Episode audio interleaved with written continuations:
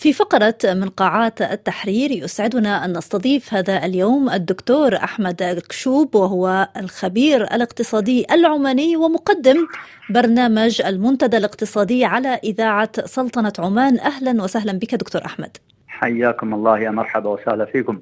دكتور يعني الموضوع الذي يشغل الساحة العمانية هذا الأسبوع ربما والساحة الخليجية أيضا هو مشروع مصفاة الدقم هذا المشروع الضخم الذي يجسد تعاونا كبيرا بين سلطنة عمان ودولة الكويت. الحقيقة طبعا المشروع بدأ أول انطلاقة للتأسيس في 2011 ويقع هذا المشروع في المنطقة الاقتصادية الخاصة بالدقم. طبعا المنطقة الخاصة بالدقم تقريبا المشاريع إجمالي المشاريع الاستثمارية فيها تجاوزت 4.2 مليار ريال عماني.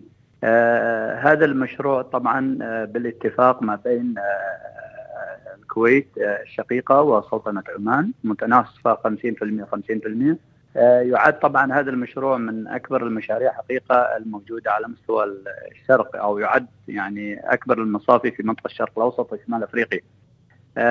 بإذن الله سبحانه وتعالى سيصل غدا الثلاثاء أمير الكويت ثم بعد ذلك يوم الأربعاء سيكون الافتتاح الرسمي لمصفاة الدقم بمعية جلال السلطان هيثم وكذلك أيضا الأمير مشعل احمد طيب. إن شاء الله تعالى يوم الأربعاء. دكتور يعني اقتصاديا ما الذي يميز هذا المشروع لكي نصفه بالأضخم والأكثر يعني جذبا للمشاريع الاستثمارية ربما في المنطقة؟ الحقيقة إنه يميز المشروع اولا الموقع حيث يقع على بحر العرب المفتوح. يميز المشروع أيضا كذلك الطاقة التكريرية لمجال النفط الأكثر من 230 ألف برميل يوميا. وارتبط أيضا كذلك الموقع بمحطه تخزين يعني تعد هذه المحطة على مساحة تقريبا 40 كيلو متر لتخزين 200 مليون برميل نفطي.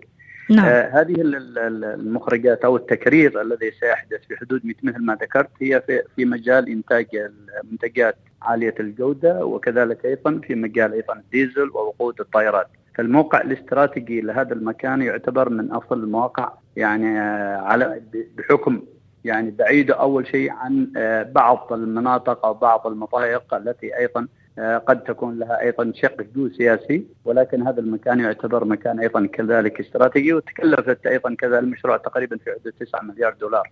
نعم. أنا أعتقد أن هذه أحد المشاريع القادمة والتي أيضا سيستفيد منها الدول المجلس وتستفيد منها أيضا كذلك المنتجات البتروكيماويات. على اعتبار الشق السفلي التابع للمصفاة سيكون من خلاله أيضا قطاع الصناعات البتروكيماويات المشروعات أيضا وكذلك سلاسل التوريد إذا شاء الله.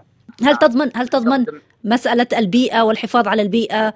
نعم إحدى المشاريع الرئيسية يعني وتم الاتفاق عليها ما بين يعني الشركة اللي هو OQ عمان وكذلك الشركة الكويتية العالمية لقطاع النفط أن يكون إحدى يعني المواصفات تخضع لرقابة ومواصفات خاصة وخاصة أن سلطنة عمان أعلنت أيضا الحياد الصفري والكربوني في 2050 أن تكون عمان أقل أيضا في هذا الجانب فأصبحت هناك يعني تكامل في القطاع البيئي والقطاع كذلك أيضا الاقتصادي. والاستثماري. وهل وهل ثمت يعني دول أخرى يمكنها أن تستثمر في هذه المصفات مستقبلا؟ نعم، المنطقة الاقتصادية الخاصة بالدقم يعني كما أشرت في حديثي السابق أن هناك تقريبا استثمارات في حدود 4.2 مليار ريال عماني متاحة هنا يوجد استثمار أيضا سعودي كبير كويتي كذلك استثمار إماراتي أيضا موجود فالمنطقة تتسع لحقيقة لكثير بوجود مصفاه بوجود أيضا كذلك منطقة لوجستية أيضا للنقل أيضا وجود ميناء أيضا بحري موجود الحوض الجاف يعني حقيقة الحوض الجاف أيضا يعني يقوم بدور كبير جدا في موضوع صيانة السفن حتى على مستوى العالم أيضا.